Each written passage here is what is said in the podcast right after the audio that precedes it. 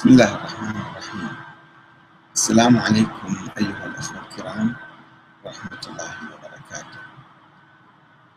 في حوارنا آه، ليلة أمس سألني الأخ أحمد جلال فقال ما هو رأيكم بالإيمان عند بعض الناس؟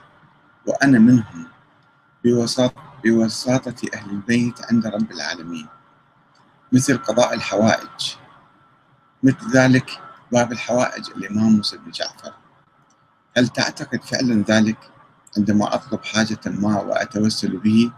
هل يلبي طلبي هو؟ وكذلك الأخ سجات الغميس قال تعقيبا على ما قلتم عن باب الحوائج موسى بن جعفر في الكثير من الأفلام الوثائقية. الرصينة ومنها قصة الإله الهندوسي. يحدث عندهم معجزات وآلهتهم أكثر من مليار إله. وكذلك المسيحيين يتوسلون بروح القدس وتحدث الكثير من المعاجز. وكذلك آل البيت. فأنا شخصيا أعرف أحد أقاربي توسل بموسى الكاظم عليه السلام فحدث لها إعجاز طبي. فلماذا تنكروه حضرتكم وأنتم منهجكم عقلاني وتقولون لا يوجد في القرآن؟ الحقيقة يعني هذا الموضوع هذه الظاهرة العالمية الموجودة لدى جميع الأديان والمذاهب. يعني في لدى أتباع الأديان والمذاهب. حتى الهندوس كما يقول الأخ. الهندوس والبوذيين وحتى من غير من الملحدين أيضا أحيانا يستخدمون طرق للعلاج غير الطرق الطبيعية الطبية مثلا. النفسية ظاهرة موجودة فعلا واقعا عندما الإنسان يستمع إلى القصص المختلفة يكاد يصدق بأن هذه الظاهرة موجودة. ولكن أولا لنتعرف على الموقف الشرعي من هذه الظاهرة. هل هذه الظاهرة يقرها القرآن الكريم يؤيدها يبيحها أم يعتبرها شركا بالله تعالى؟ وثم أي درجة من الشرك؟ شرك أكبر مخرج من الملة أو شرك مثلا الشرك درجات كما تعرفون والإيمان درجات والنفاق درجات في الإسلام. الرياء مثلا الرياء شرك بالله إنسان يصلي الله أكبر وعين على واحد معين حتى يشوفه. هذا شرك بالله ولكن هل هذا يخرج من الملة؟ يصير إنسان كافر مشرك؟ وهذا ما قال به الوهابيون اعتبروا مجرد الدعاء أو التوسل بالأئمة والأنبياء أو شيء من القبيل بالقبور هذا شرك مخرج من الملة أصبح كافر. والنتيجة لأن هذه الظاهرة كانت موجودة ولا تزال في مختلف البلاد الإسلامية ومختلف المذاهب ولا تقتصر على الشيعة. لدى الصوفية ولدى غير الصوفية ومنتشرة في المغرب إلى أفريقيا إلى الهند إلى باكستان إلى كل الدول. فاعتبروا الأمة الإسلامية كلها مشركة وكلها كافرة كلها مرتدة وما يوجد من المسلمين إلا هم فقط الموحدون فيطلقون على أنفسهم اسم الموحدون. نحن لا نريد أن نكفر الناس مثل الوهابية. ولكن نقول هل هذا مثلا يعتبر عمل عبادة وعمل جائز شرعا أو لا هو أيضا شرك نوع من الشرك بالله تعالى. وإن كان بشبهة وإن كان بلفافة وإن كان بكذا وبالتالي يعني يستحسن أو يجب على المسلم أن يتجنب الإيمان بهذه القصص والظواهر أو اللجوء إلى قبور الأولياء. وهل الأولياء والصالحون والأئمة اللي اللي كانوا في حياتهم مثلا يعجزون عن الإتيان بمعاجز؟ ولم يأتوا بأي معجزة. بعد وفاتهم وبعد ماتهم يكونوا قادرين على شفاء الناس وقضاء حوائجهم وحل مشاكلهم. مثلا هل هذا معقول؟ هل أرواحهم ما عندها شغل في الآخرة إلا ملاحقة استجابة الدعوات من الناس بالملايين يجون يزوروهم مثلا وكلهم يشافوهم ويعافوهم ويحلون مشاكلهم؟ هذه ظاهرة موجودة. موجودة عندنا في العراق موجودة في بلاد كثيرة يعني. وبعدين ماذا يدل ذلك على أن هؤلاء الأئمة هم فعلا معينين من قبل الله تعالى أولياء عند الله؟ هؤلاء أم أحيانا يذهب الناس في كثير من البلاد لا أقصد بلد معين أو إماما معين أو قبرا معينا يذهبون إلى ناس سيئين مثلا ناس غير صالحين. ويعتقدون أنهم هؤلاء صالحون. فيشافوهم ويعافوهم ويحلون مشاكلهم.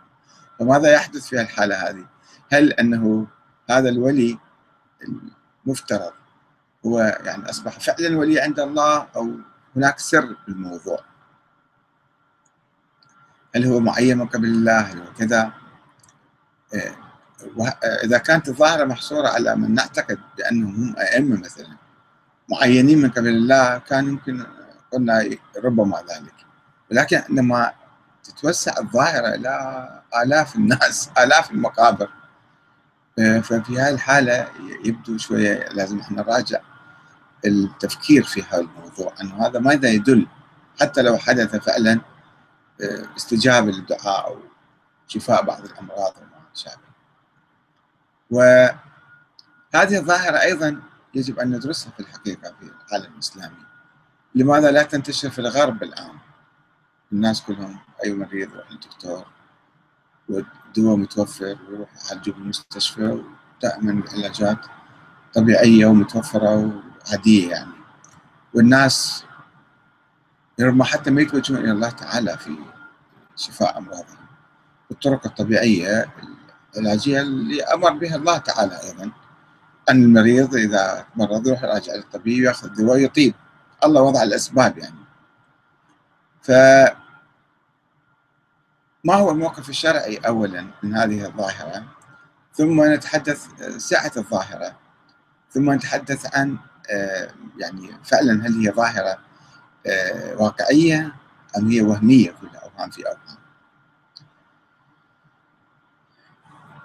آه، نجي على القرآن الكريم في البداية. نشوف ماذا يعني الإسلام جاء آيات عديدة في القرآن الكريم تحث على التوجه نحو الله تعالى توحيد الله والتوجه إلى الله الاستغاثة به والدعاء له طلب الشفاء منه وال يعني حصر العملية هي عملية الدعاء والاستغاثة آه، بالله تعالى. في آيات عديدة في القرآن الكريم. في آية مثلا الله يقول فاتبع ملة إبراهيم ومن أقوال إبراهيم وإذا مرضت فهو يشفين. فدائما آه، توجه نحو الله تعالى في هذه الأمور. وعندنا مثلا آه، آيات كريمة كثيرة الآن نستعرضها بخدمتكم. آه، وأن يمسسك الله بضر فلا كاشف له إلا هو. سورة يونس هذه. وإن يردك بخير فلا راد لفضله. يصيب به من يشاء من عباده وهو الغفور الرحيم. هنا الآية تقول لنا أن كل العملية مربوطة بيد الله تعالى. آية أخرى وإذا سألك عبادي عني فإني قريب أجيب دعوة الداعي إذا دعان. أن يمكن موجود يمكن قريب بلا واسطة ما أحتاج واسطة. والله سبحانه وتعالى هو يعني يستمع إلينا وعندما نناجيه. أجيب دعوة الداعي إذا دعاني. فليستجيبوا لي وليؤمنوا بي لعلهم يرشدون. آية 186 سورة البقرة. آية أخرى قل ادعوا الذين زعمتم من دونه. فلا يملكون ذول الأصنام أو هم كانوا يعتقدون الآلهة مالتهم أو الملائكة مالتهم. قل ادعوا الذين زعمتم من دونه فلا يملكون كشف الضر عنكم ولا تحويلا. 56 الإسراء. آية أخرى أيضا في سورة سبع قل ادعوا الذين زعمتم من دون الله. لا يملكون مثقال ذرة في السماوات ولا في الأرض وما لهم فيها من شرك وما لهم منها من ظهير. يعني هم مو شركاء الله حتى هم يشافوكم ويعافوكم ويداووكم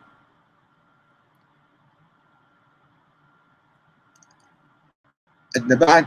قال تعالى والذين تدعون من دون من دون الله عباد أمثالكم. فادعوهم فليستجيبوا لكم إن كنتم صادقين. ما راح يستجيبون لكم. الأعراف 194 وقوله تعالى والذين اتخذوا آه والذين اتخذوا من دون من دونه أولياء. كان المشركين هكذا يقولون. الله ينتقد المشركين. والذين اتخذوا من دونه أولياء ما نعبدهم إلا ليقربونا إلى الله زلفى. ويعبد طبعا عبادة وتقرب إلى الله غير استجابه الأمراض كذا هاي الآية. هاي وضعها الاخ حيدر الوائلي ويعبدون من دون الله ما لا يضرهم ولا ينفعهم. ويقولون هؤلاء شفعاؤنا عند الله. أو آية أخرى فإذا ركبوا في الفلك دعوا الله مخلصين له الدين. لأنه بعد ما حد ينجيهم إلا الله.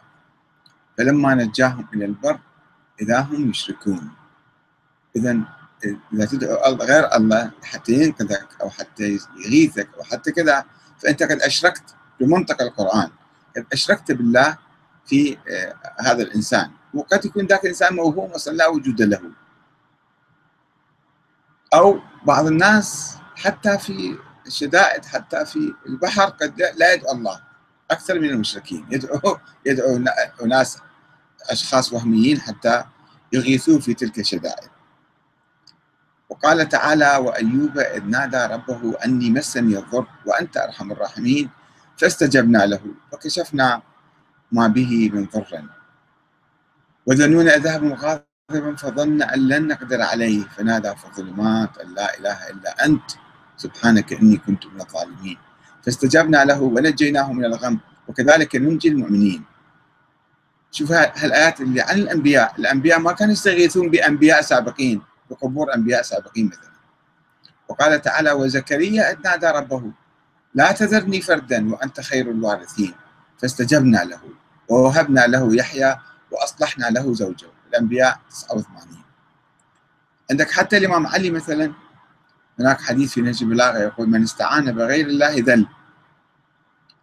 آه إذا هذا الموقف الشرعي أيضا في وصيته للإمام الحسن الإمام أمير المؤمنين يقول له أعلم أن الذي بيده خزائن السماوات والأرض قد أذن لك في الدعاء قال لك ادعوني وتكفل لك في الإجابة وأمرك أن تسأله ليعطيك وتسترحمه ليرحمك ولم يجعل بينك وبينه من يحجبه عنك. ما في واسطة عند الله. ما يحتاج واسطة. الله سبحانه وتعالى رحيم وهو خلقنا هو يستجيب دعائك ولم يلجئك إلى من يشفع لك إليه. هذا في نهج البلاغة جزء 3 صفحة 37 في ابن ابن أبي الحديث فهذا نص صريح وواضح من الإمام علي لابنه الإمام الحسن عليه السلام بقوله بأن الله لم يجعل بيننا وبينه من يحجبه عنا. حتى نروح نتوسط واحد حتى يتوسطنا إلى الله تعالى كأنه إحنا عندنا دولة فاسدة وهذا الملك ما نقدر نوصل له إلا عن طريق الوسطاء.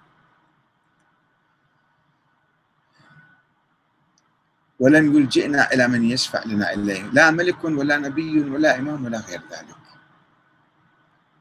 آه الأخ حسن الأسدي أيضا وضع بعض الآيات قال هل يسمعونكم إذ تدعون؟ ما يسمعوكم ترى ذولا؟ أو ينفعونكم أو يضرون؟ قالوا بل وجدنا آباءنا كذلك يفعلون. قال أفرأيتم ما كنتم تعبدون؟ أنتم وآباءكم الأقدمون. فإنهم فإنهم عدو لي إلا رب العالمين. الذي خلقني فهو يهدين والذي هو يطعمني ويسقين.